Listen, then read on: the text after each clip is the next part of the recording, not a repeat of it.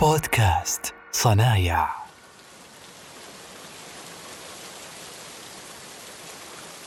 في شهر تشرين الأول من كل عام تستقبل الأرض أمطار الخريف معلنة بدء موسم الزيتون. يبدأ موسم القطاف في قرى مدينة دمشق وبلاد الشام تجتمع العوائل بصغارها وكبارها في البساتين. بين ضارب لشجرة الزيتون بالعصا يستمطر حباتها وفارش للمدة تحتهم يقيهم من الضياع في العشب. حتى وإن هربت واختبأت فمصيرها بيد فريق التعفير من الأطفال.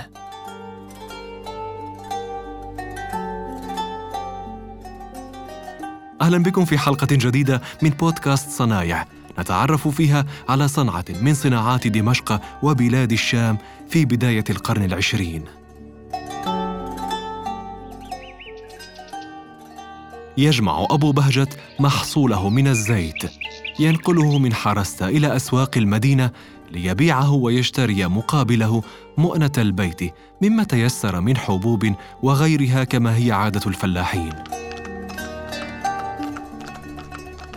تذهب عربة حصانه والتي نسميها الطنبر محملة بالزيت لتعود مليئة بأنواع الحبوب واللحوم وحاجيات البيت تكفيهم شتاء دمشق البارد. لم يبذل أبو بهجت جهدا في بيع بضاعته فزيته في السوق معروف ولأصحاب الذوق مألوف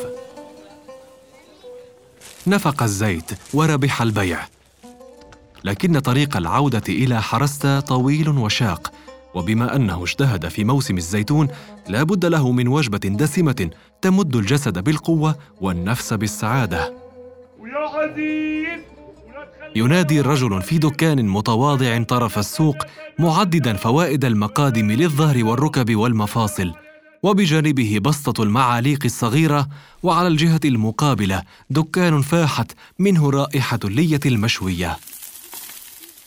قائمة الطعام محدودة. وخيارات أبي بهجة معدودة.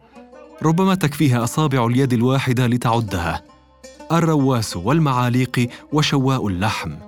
هؤلاء الثلاثة يتقاسمون طبخ الخراف ذات الصيت والشهرة في بلاد الشام من رأسها إلى ليتها.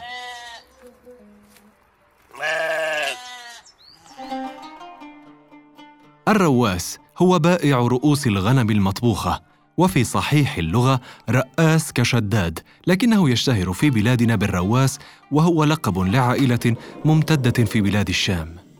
يشتري الرواس الكروش والرؤوس والأيدي والأرجل التي تسمى بالمقادم من المسلخ ينظفها ويضعها في حلة كبيرة جدا حتى أنها أصبحت مضربا للمثل لحجمها وعمقها ورائحتها فهم يوقدون العظم الذي استخرجوه من الرؤوس تحتها والأسواق الكبيرة في مدينة دمشق وبلاد الشام لا تخلو من رواسين أو أكثر وهذه الحرفة يمتهنها الفقراء والفلاحون في الغالب وتدر ربحا جيدا لأصحابها. وهناك بعض الطباخين في الأسواق المنتظمة يطبخون الرؤوس والأيدي والأرجل ويقدمونها بشكل أجمل وأشهى. فبعد قشط الجلود ينظفونها بالماء وتطبخ في طاجن مبيض وتقدم للزبائن في صحون بيضاء تلمع من نظافتها كانت تلك طريقة مثالية لتقديم الطعام في ذلك الزمن. نيئة أو مشوية يبيع المعاليق كبد الغنم وقلوبها وما جاورهما من كلية وطحال ورئة يبيعها لمن يرغب. وأهل دمشق وقتها يفضلون طبخها في منازلهم ويضيفون البصل ودبس الرمان والخل وعصير الليمون وما تيسر من أنواع البهارات. أما ما يباع مشويا جاهزا في بعض الدكاكين والبسطات فأغلب زبائنهم من الفلاحين لبعدهم عن قراهم أو من فقراء المدينة. والمعاليق لقب لعائلة في بعض مدن الشام. رائحة اللحم واللية المشوية من دكان شواء اللحم جذبت أبو بهجت. خدمة خمس نجوم كراسي للجلوس وطاولة مزينة بأواني الماء الزجاجية التي يقال لها المدقة والصراحية مع كاسات بلور للشرب.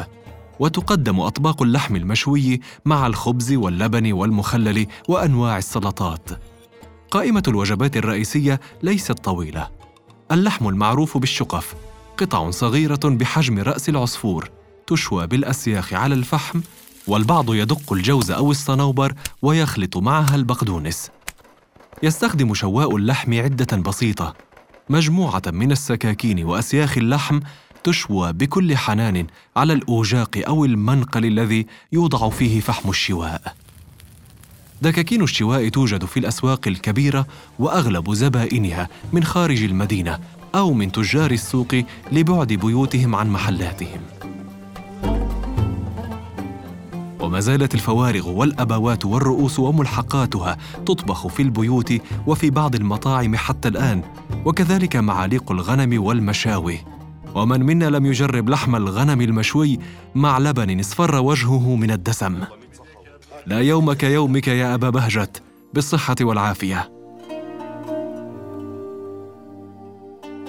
كان معكم في هذه الحلقة مصابر. استمعوا إلى حلقات بودكاست صنايع عبر منصات ساوند كلاود أبل بودكاست وجوجل بودكاست.